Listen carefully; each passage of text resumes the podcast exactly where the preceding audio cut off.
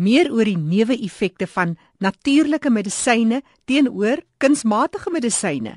Dis kollega Christel van Tonner wat gesels het met professor Ben Erik van Wyk van die departement plantkunde by die Universiteit van Johannesburg. Kom ons sluit aan by Christel. Jy het nou genoem van die verskillende plante vir verskillende gebruike, hoofpyn of depressie of kopprobleme. Maar wanneer jy byvoorbeeld in 'n apteek instap of enige normale supermark en jy haal iets van die rakke af, 'n pil, dan sou 'n lys van neeweffekte. Kom dit ook voor in die tradisionele medikasie? Ja, dit is eintlik geen verskil tussen natuurlike medisyne en en kunsmatige medisyne nie. Uh mense het die gedagte as dit nou natuurlik is, dan moet dit veilig wees. Hmm. Maar ek kan jou verseker daar is natuurlike gif wat jou mors dood sal maak al as jy net 'n klein bietjie daarvan inkry. So ek, ek dink nie dit is noodwendig so nie waar dit op op neerkom eintlik is ons praat mens nou van die terapeutiese venster, die die die, die, die verskil tussen die terapeutiese dosis en 'n uh, giftige dosis. En meeste van hierdie tradisionele medisyne is, is eintlik het 'n baie wye venster. Met ander woorde, die as jy 'n oordosis neem, gaan daar nie veel met jou gebeur nie. Hulle is eintlik so oor die deur die eeue miskien geselekteer juis om nie neeweffekte te hê nie. Miskien jou ernstigste neeweffek sal 'n bietjie maagwerk wees of so iets. Dis tipies of jy kry 'n bietjie hoofpyn of wat. So ek dink dit gaan meer oor die bepaalde plant. Elke plant, sommige van hulle weet ons het ernstige neeweffekte. Ek dink hoe giftiger 'n plant is, hoe meer neeweffekte het hy. As 'n plant hoegenaamd geen biologiese aktiwiteit het nie, dan sal jy hom ook nie vir medisyne gebruik nie. Dis mos die eeue oue waarheid wat Paracelsus gesê het, nê, nee, alle plante is maar giftig, nê. Nee. Mm. Dit hang maar net af van die dosis. So as jy net te veel water drink, kan jy ook doodgaan. Ek dink dit is waar mense miskien soms ehm uh, nie lekker verstaan nie met hierdie gifbol byvoorbeeld wat die ouens gebruik vir pyn dis dit is tipies vir uh, besnydingswonde gebruik hulle dit daai daai bolskibbe hmm. word uh, op op wonde geplaas is is 'n fantastiese pyndoder maar sy terapeutiese dosis en sy letale dosis is baie naby aan mekaar so jy moet versigtig wees daarso jy kan jouself permanent van pyn uh, verlos as jy nie versigtig is nie so dit gaan alles oor hierdie terapeutiese venster En die meeste krye bossies van die Karoo as ek nou maar so kan sê, het het tipies wye venster. Met ander woorde, jy gaan nie maklik neeweffekte kry nie. Dit was onlangs in die nuus byvoorbeeld die Hoodia, net die gaap wat die beroemde, hulle praat van die desert cactus wat nou veronderstel was om 'n uh, aptyd onderdrukkende effek te hê. Nou daar is ernstige neeweffekte met daardie plant en dit is hoekom dit nooit lyk my verder gevorder het in die hoofstroom van die die medisynebedryf nie. Dit is eintlik as jy mooi daaroor dink, is dit 'n effense vergiftiging wat jy kry en dan jy verloor jy jou eetlus. Mm. So daar daar is redelike neeweffekte soms wat 'n mens net voor op, op die uitkyk moet wees. En veral mense wat vandag agter 'n rekenaar sit en nie oefening kry nie. Wat oorgewig is, dit maak 'n groot verskil as jy 'n slanke, fikse, hardwerkende mens is in die platland kan jy uh, daai medisyne is baie beter weerstaan as 'n persoon wat nou byvoorbeeld oorgewig is en en uh, hartprobleme het en al sulke dinge. So dis so 'n komplekse ding, né, die medisyne. Dit is daar baie daar's geweldige verskeidenheid van faktore wat bepaal hoe elke persoon sal reageer op 'n bepaalde medisyne.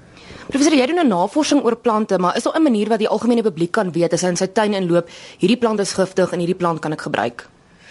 Wel, jy is om die plante ken. Jy kan nie sommer, ek dink dis gevaarlik om sommer rond te loop en te begin plante gebruik. Uh, Daar's goeie boeke wat jy kan kry om jou te help. En uh, dis maar goed om mense te vra wat wat die plante ken. Kyk da, ek dink ehm um, oor die algemeen gebruik ons plante vir kroniese siektes om om net om bietjie verligting te bring en ook uh, soms uh, weet siektes wat in elk geval sal weggaan. Engelse praat van self-terminating illnesses. So jy gaan nou nie met 'n ernstige siekte sukkel met bossies nie. Jy gaan maar hospitaal of dokter toe. Maar ek dink veral aan goed soos wonde, jy weet, brandwonde of snyplekke of so. Daar is daar 'n groot verskeidenheid plante wat uiters goed werk, uiters effektief is. En wat niks kos as jy in jou, in jou tuin staan nie. Ek ek dink byvoorbeeld aan hierdie Copifa, net die die ehm um, bulbine die Engelse praat van burn jelly plant of so. Hy staan omtrent in elke tuin in Johannesburg. Hy't sulke vleesige vingerblaartjies en dan het hy so harige blommetjie, klein geel blommetjies wat so hare in het. Nou as jy daardie jelly vat en jy sit dit op 'n op 'n wond, dit werk soos 'n wonder. Ek meen as jy 'n jukplek het of 'n muskietbyt, dit vat onmiddellik die juk weg. So daar is 'n definitief 'n rol te speel vir tradisionele medisyne. Ja, ek dink ons hardloop ook partykeer te vinnig na die dokter toe, maar dis in die moderne tyd wat ons lewe. Ja, wat ek dink ehm um, gewo gewoonlik is 'n mens mos nou maar as jy fiks is en jy kry oefening en jy eet gesond en so, dan het jy nie nodig om medisyne te gebruik nie. Ek dink dit is ook 'n tendens vandag in die wêreld dat mense baie meer noukeurig let op hulle dieet en op hulle oefening en so voort om dus gesond te bly en om kom ons sê voorkomend op te tree. Eerder as om te wag tot jy siek is en dan dit wil regmaak. Maar ek meen ons almal kry maar 'n bietjie verkoue en griep en so en daar is 'n boererate wat 'n mens kan gebruik. Ek dink nou byvoorbeeld aan die wille als. Ek het in my in my tuin daar wille als. Hy groei baie maklik in Johannesburg. Hy trouens hy's hy's inheems hier in Melville Koppies en en op Northcliff Koppies. En dit die Sotho mense, hulle byvoorbeeld uh, vat 'n pleisie van die blare en en maak 'n sit dit in hulle neus, druk dit in jou neus en dan haal jy asem deur die blare en dan die olie uit 'n vlugtige olie wat dan jou longe mooi oopmaak en skoon maak. So daar is sulke kom ons sê boererate wat mens wat almal kan gebruik as hulle maar weet waar om die plant in die hande te kry. Isi fetu, die wilde gemmer het ek gesien is een van die tradisionele medikasies of plante wat baie gebruik word. Is daar ander? Ja, ja jy, ons praat nou van bewaring, die die, die oorbenutting van plante. En daar is natuurlik ernstige kommer oor die voortbestaan van sommige van ons populêre plante. Jy het nou gepraat van Isipepeto, dit is die wilde gemmer of Afrika gemmer. En hy is eintlik uh, in Suid-Afrika altyd maar baie skaars gewees. Ehm um, dis eintlik 'n tropiese plant en hy groei die wêreld vol eh, in in tropiese Afrika, die hele tropiese Afrika. So oor hom is ek nou nie so eintlik bekommerd nie. Hy kan nou miskien in Suid-Afrika blikkies skaars wees. En ek moet sê, hy word nou ook aangekweek deur baie mense. So ek wonder of hy nie vandag baie meer volop is as wat hy ooit was nie as gevolg van die aankweeking. En waarvoor word hy gebruik? Dis nou 'n verkoue medisyne en hy het ook 'n tradisionele gebruik vir malaria, so vir koors. Uh, dis eintlik 'n baie uh, interessante plant. Ek dink hy het ook 'n interessante toekoms uh, om te ontwikkel dalk as 'n as 'n ernstige medisyne. Maar uh, so oor hom is ek nie bekommerd wat ek wel oor bekommerd is is iets soos die Warburgia, die peperbasboom. Die, die peperbasboom word op groot skaal uitgeroei in Suid-Afrika. Want die wat die mense doen is hulle strook die bas af.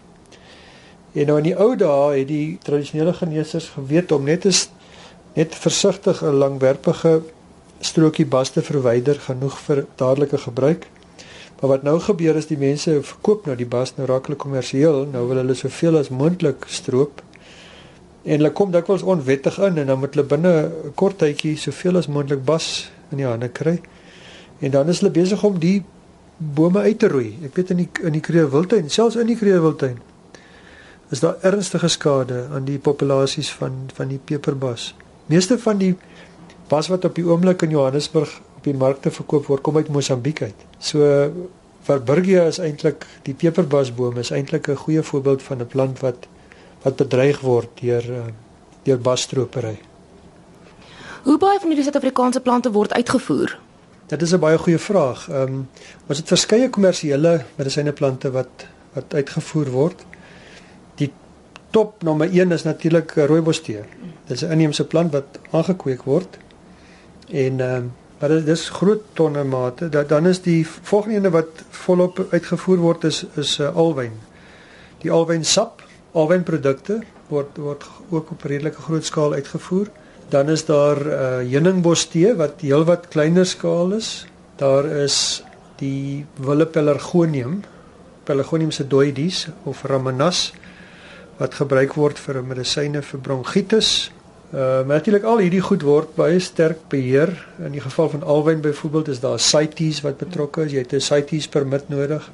So daar's eintlik 'n reuse klomp papierwerk wat nodig is om uh, van hierdie produkte uit te voer. Van tyd tot tyd is daar wel onwettige uitvoere wat ook plaasvind. En uh, dit is iets wat mense natuurlik moet nou oplet want uh, as as die goed baie van die plante as dit eers uit die land uit is en ander mense kan dit kweek, dan dan verloor Suid-Afrika dit.